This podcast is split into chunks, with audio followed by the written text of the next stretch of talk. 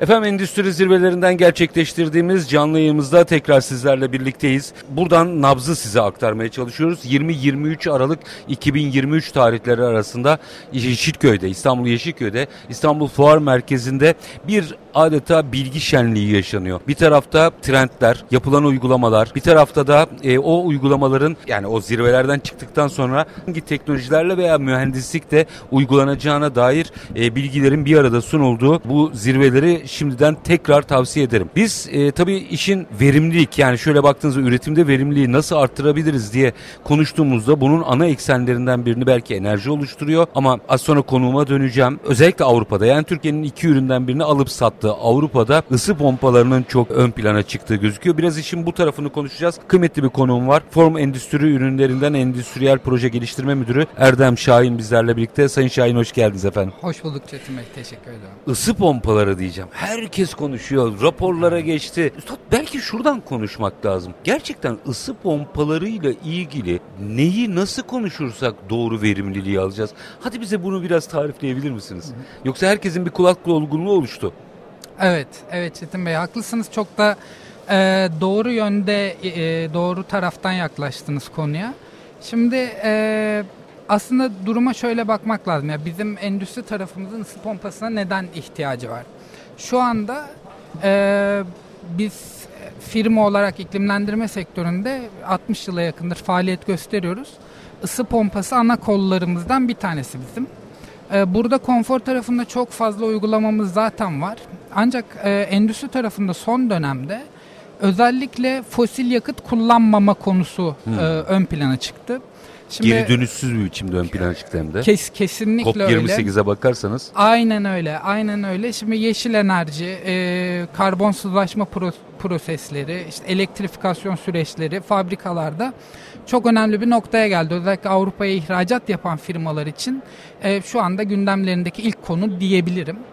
E, burada ısı pompası kullanımı konusunda önceden yatırımcıları e, ürküten nokta bir yatırım maliyetiydi. Aynı zamanda enerji maliyetiydi. Çünkü doğalgaz bugün olduğu gibi önceden de çok ucuzdu. Ülkemizde hala ucuz. E, ancak son dönemde doğal gaz konusunda dünyanın yaşadığı kriz, e, ülkemize bunun sirayet etmesi, Avrupa'nın çok e, dramatik şekilde bununla yüzleşmesi, e, ısı pompası teknolojisinde de e, endüstriyel kullanım anlamında bir e, nasıl söyleyelim e, gelişime neden oldu açıkçası. Yani, tetikledi galiba. Tetikledi. Çok doğru söylüyorsunuz. Şimdi bunu e, biraz daha detaya inecek olsak şöyle açıklayabilirim. Örneğin siz bir konfor iklimlendirmesini yapıyorsanız belki 50 derece, 55 derece, 60 derece sıcak suyla bu iklimlendirmeyi siz yapabilirsiniz.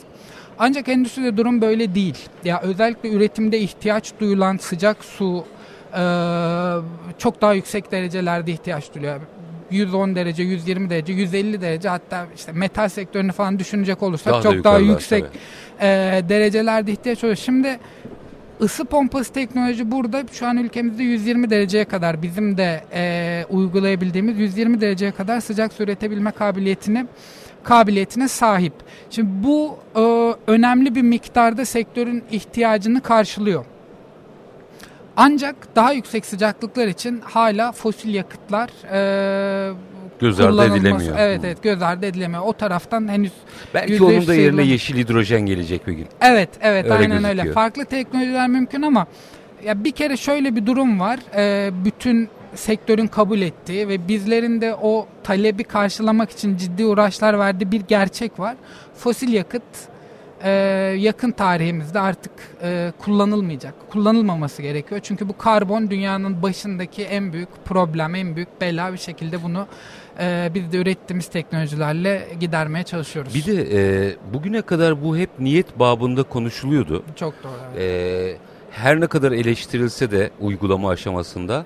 ilk kez COP28'de yazılı bir biçimde ifade edildi. Bu Çok büyük doğru. bir kırılma. Evet. Evet doğru. Artık geri dönüşü yok bunun. Geri dönüşü yok. Olması gereken şey de aslında bu değil miydi? Yani evet. biz şu anda alternatifi varken. Abi aynen öyle. Yani burada e, olaya şu açıdan da bakmak gerekiyor. Tabii biz e, fuarda özellikle ısı pompası kullanımı durumunda elde edilecekleri, getireceği avantajları konuşuyoruz. Bence ilk sıraya yazılması gereken şey gelecek. Yani şu anda doğa bize gerekli şey söylüyor zaten. Yani o yüzden Sürpriz yok ortada. kes, kesinlikle öyle. Yani e, bunu yapmak durumundayız. Ya geleceği konusunda kaygılı olan, kendisinden sonraki nesiller için e, doğru bir dünya, yaşanılabilir bir dünya bırakmak isteyen herkesin e, bu konuda adım atması gerekiyor. Şimdi Üstad e, zaten bu duyarlılığı göstermesi gerekiyor herkes. Evet, evet. doğru. Ama hiç umurunda olmayan dünyanın en oportunist insanına bile şunu söylemek lazım o zaman. Biraz da işin o tarafını açalım. Böyle bir insan da olabilir. O da onun görüşüdür. Ama artık ticaret yapamayacak, Evet, ürettiğini satamayacak. Kesinlikle. Yani e, bana ne deyip işin içinden çıkabileceğiniz bir süreçte değiliz. O zaman mesela genel anlamda iklimlendirmeyi de açacağım ama ısı pompası faktörü burada avantajlar sunuyor. Bunun ne kadar farkındayız? Bunun e, ne kadar farkında? Şu anda e, net bir farkındalık olduğunu açıkçası e, düşünmüyorum. Yani çünkü alışkanlıkları değiştirmek çok zordur Elbette. bilirsiniz. Einstein Ee, buradan e, ön yargıyı kırmak, e, atom parçalamaktan güçtür demiştir. E, Kesinlikle öyle. Ya mesela şu anda çok basit bir fizibilite yapalım. Çok basit. E, şu anda birim elektrik e, kilowatt saat değeri ile bir e, ısıtma yapmak istiyorsunuz. Burada e, iki buçuk birim enerji, e, iki buçuk e, birim maliyetiniz var. Tamam. Bunu doğalgazla yaptığınız zaman bu bir birime denk geliyor. Tabii firmadan firmaya farklı Ortalama değişir. Çok genel Şeyden söylüyorum. bahsediyoruz. Şimdi ısı pompası size şunu söylüyor. Ee, örneğin 60 derece sıcak suya ihtiyacınız varsa ben diyor 3 bir COP değeri diyoruz. Verimlilik değerini sağlayabilirim. Bu ne demek biliyor musunuz? Sıcak su üretirken doğalgaza ödediğiniz paradan daha az para ödeyeceksiniz demek. Ve doğru bir uygulama yapıldığı zaman üreticilere özellikle enerji anlamında çok ciddi tasarruf sağlıyor. Yani biz e, çok yakın zamanda bir e, gıda fabrikasında e, böyle bir uygulama yaptık. Ha başlangıcını ve sonunun sonuçlarını paylaşabilir Tabii misiniz? ki. E, şöyle söyleyeyim size. E, fabrikada bizim en çok istediğimiz durum vardı aslında. Yıl boyunca bir soğutma ihtiyacı. Yıl boyunca da bir ısıtma Tam ihtiyacı. iklimlendirme konusu. Aynen öyle ve e, istenilen su sıcaklığı da e, yaklaşık 55-60 derecelerde bir proseste ihtiyaç duydukları bir su sıcaklığı vardı. Biz bu sıcak suyu yıl boyunca ihtiyaç duyulan soğutmanın atık ısısından ürettik. Ve bu sıcak su için e, bizim e, uyguladığımız müşterimizin ödediği para sıfır enerji anlamında. Yatırım maliyetinin geri dönüş süresi bir yıldan azdı. Hiçbir şey değil. Evet. Burada temel nokta esasında şu. Or müşterimiz biz e, sistemi anlattığımız zaman bu bunun için yenilik için e, daha iyisi için adım atma konusunda e, gerekli cesareti gösterdi. Bunu söyleyebilirim size. Yani burada aslında bir eksik var. Çünkü çok yaygın değil. Yani herkes yapılmışı garanti olanı e, kesinlikle u, hani yıllardır uygulananı yapmak konusunda çok daha hevesli. İşte burada görev bize düşüyor. Doğru yaklaşıma, doğru anlatıma, doğru fizibiliteyle bunu da aşmaya çalışıyoruz. Evet. Sayın Şahin orada bir şeyi tartışmamız gerekmiyor mu sanki? Bir 3-4 dakikada bunun da üzerinde durmak istiyorum. Bütün bu yatırımlar harcama olarak bakılıyor. Aslında bunlar yatır yani şöyle diyeyim yatırım deyince de e, e, yatırımın da maliyeti var denilip bunlar tasarruf değil mi? Öyle. Çok doğru. Biz niye tasarruf olarak algılayıp ya bak bu, bu parayı harcarsam bir koyup aslında e, sistematik olarak sürekli kazandığım bir parayı e, cebime koyacağım yerine ya, kaç para harcayacağız şimdi buna geçmek için gibi bir yaklaşımdan öteye geçemiyoruz. Nasıl Evet, kıracağız doğru. bunu? Aa, bunu nasıl kıracağız? Ya biraz önce söylediğiniz gibi artık bu e, insanları doğru için e, yönlendirme konusu var. Yani bu bunu yapabilen güçle alakalı bir durum. İşte ne dedik mesela E, sınırda karbon denetimi artık yaptığınız her ürünün bir karbon ayak izi var. Ona göre bir vergilendirmesi var. Şu anda tüm sektörleri kapsamıyor ama yakın zamanda olacak. 2026 hatta e, demin az önce bilgisini de verdim. Avrupa Birliği'nin dışında olmasına rağmen çıkmış olmasına rağmen İngiltere'de beyan ettiği 2027 başından itibaren o pazarda uygulamaya başlayacak. Evet, evet. Ya mesela şöyle bir durum da var. Türkiye şöyle bir hedef koydu kendisine. 2053 yılında ben ürettiğim enerjinin tamamını yenilenebilir enerjiden üreteceğim. Ee,